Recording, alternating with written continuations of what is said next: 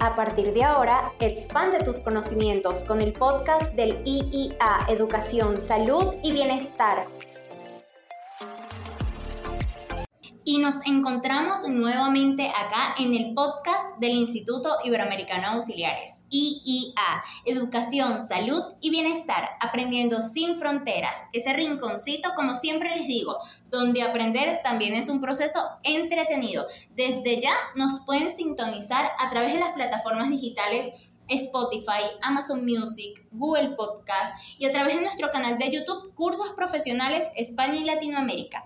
Desde ya compartiremos también con ustedes una amplia variedad de temas relacionados con el bienestar, la educación y la salud, tanto en la práctica médica como en el área docente, con la asesoría de destacados especialistas en la materia. Estaremos conversando el día de hoy con el doctor Omar Ratis Frankis, procedente de la ciudad de Caracas. El doctor Ratis es egresado de la Universidad Central de Venezuela. Con el doctor Ratis abordaremos los principales procedimientos de conocidos actualmente y el importantísimo papel que cumplen los auxiliares en dichos tratamientos. De esta manera arrancamos un nuevo episodio del IIA, Educación, Salud y Bienestar.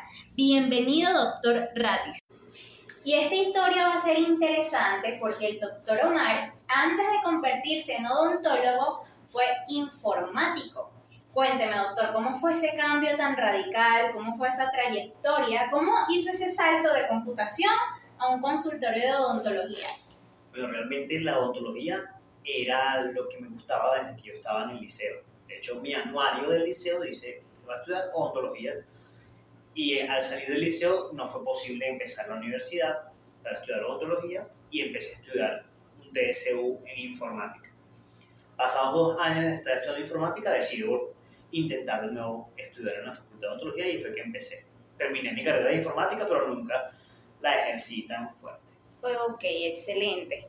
Como odontólogo general, el doctor Omar se ha dedicado específicamente en la endodoncia, una técnica que para algunos es una tendencia conservadora, porque su objetivo es conservar un diente sin necesidad de extraerlo. ¿Qué opina al respecto de esta técnica? ¿Por qué, ¿Por qué esa pasión por esto? Realmente no hay como el tejido dentario. El tejido dentario es insustituible. Se ha logrado durante muchos años buscar un material que tenga las mismas características del diente, pero no, no hay manera de igualarlo. De hecho, el diente es la estructura más dura del cuerpo humano. Ok. Entonces, la importancia de preservar la raíz si todavía tienes posibilidad el paciente, económicas principalmente, porque lo que determina que un paciente deje un diente en boca o lo saque es su presupuesto, lamentablemente.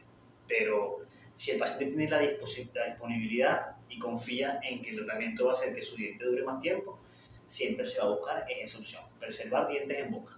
Excelente, doctor. Y por ello le pregunto, ¿Endodoncia es lo mismo que tratamiento de conducto o abarca otras cosas? No, la endodoncia es, la especialidad que estudia el sistema de conductos radiculares y su correcta obturación. Y es por ello que no vamos a, quitar un diente, sino que vamos a tratar de curarlo, vamos a tratar de sanarlo para que allí permanezca. El tratamiento de conducto consiste en retirar la pulpa del diente y en sustitución de la pulpa se coloca un material de obturación. Ya el diente no va a tener vitalidad, pero va a seguir ocupando el espacio. Va a permanecer va a permanecer allí. Excelente, doctor. Y es por ello que entonces también vamos a hablar de esto. ¿Qué duele más, doctor Omar? ¿Un diente en mal estado o una endodoncia? Cuando te refieres eh, a endodoncia, ya el diente está, no tiene vitalidad, ya la endodoncia está realizada, ya se le retiró la pulpa al diente, entonces ya el diente no duele duele más es el diente en mal estado. ¿Ok? Entiendo perfectamente. Este, ¿Cuántos años dura una endodoncia? ¿De qué factores depende? Depende siempre, uno de los factores importantes es la dieta del paciente y la higiene. De eso siempre va a depender cualquier cosa que nos, nos presente en odontología. Adicional a eso, una buena técnica de cepillado.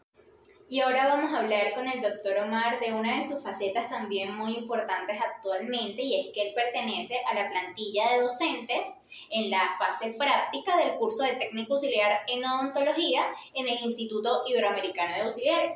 Cuéntenos cómo ha sido esa trayectoria, cómo ha sido ese pase de docente, qué tal ha sido la experiencia. Mira, ha sido muy enriquecedora la experiencia ya que me permite me obliga a tener que actualizarme para brindar conocimientos refrescados a lo que están aprendiendo. Y compartir los conocimientos es, es, bien nutritivo. Ok, ¿cómo ha sido esa experiencia en aula? ¿Qué tal los chicos que prepara actualmente? Bueno, ha sido bien receptivo. Tengo ya, he formado tres grupos, 26 estudiantes en total. Excelente. Y, oye, siento que les ha, que, que han aprendido Excelente. Y que pueden ejercer como auxiliares. Y que pueden ejercer como auxiliares, que tienen información necesaria para empezar a, a ejercer como auxiliares. Como odontólogo, sabe de primera mano lo que significa contar con un auxiliar dental dentro del consultorio y lo importante que es para el paciente y para el doctor. Es por eso que le pregunto, ¿cuál importante es la función que cumple el auxiliar dental dentro de la unidad odontológica?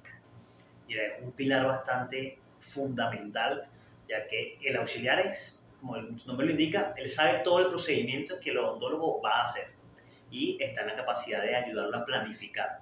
En la semana mi doctor tiene tal procedimiento tal día y sabe dónde está todo en el consultorio para poder facilitar que todo sea más corto para el paciente y para el operador. Por eso es que decimos que ese trabajo a cuatro manos puede ser mucho más eficaz, ¿no? Es mucho más eficaz, excelente. Y en caso de los tratamientos de endodoncia, el auxiliar dental debe cumplir una tarea muy concreta durante ese procedimiento. ¿Cuál es eh, en endodoncia como tal? lo vital en endodoncia es que todo esté, eh, como en toda odontología, pero en endodoncia hay que ser muy muchoso con la esterilización. Y aparte que son muchos instrumentos y materiales que se utilizan en el procedimiento. Entonces, la correcta colocación de todo eso en la bandeja es fundamental. Ok, aquí la bioseguridad. La bioseguridad máxima. Es fundamental. Doctor Omar, ya que hablamos de que, bueno, un auxiliar dental es sumamente importante dentro de un consultorio odontológico, mencióneme tres actitudes de un buen auxiliar dental. que le guste trabajar en equipo, que le guste trabajar bajo presión y que tenga carisma. Excelente, doctor. Y bueno, ahora hablemos un poco acerca de la odontología, lo que actualmente usted ejerce. ¿Puede decirnos que hasta ahora ha ejercido la odontología porque realmente quiere o aspira a algo más? Mira, yo creo que la odontología que yo quiero no la estoy ejerciendo, primero porque está relacionada más a la prevención. Nosotros estamos, nosotros surgimos en la sociedad es para tratar enfermedades yo creo que la mejor odontología es la que no se ejerce, la que se previene en casa. Pero si me hablas de otra rama de la odontología que me gustaría ejercer, es la odontología biológica, que es lo que aquí se conoce como odontología biológica. En Latinoamérica también se conoce como odontología neurofocal o biodescodificación odontológica, que consiste en, desde la odontología, resolver muchos otros problemas de salud en el organismo. ¿Como cuáles? Todos, cualquier de cáncer, problemas respiratorios, está muy asociado la ubicación de cada diente dentro de la arcada, tanto inferior como superior, con otros órganos del organismo.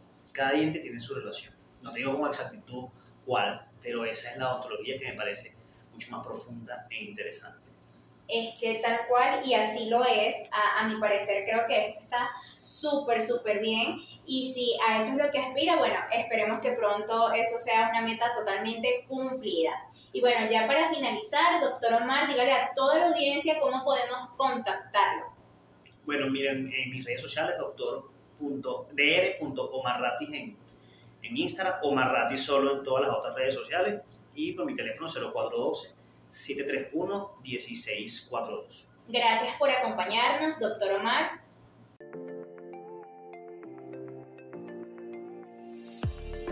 Esto fue el podcast del IIA Educación, Salud y Bienestar. Les recordamos que nos pueden sintonizar a través de Google Podcast, Apple Podcast, Spotify, YouTube y nos puede seguir a través de nuestra cuenta de Instagram arroba cursos para trabajar.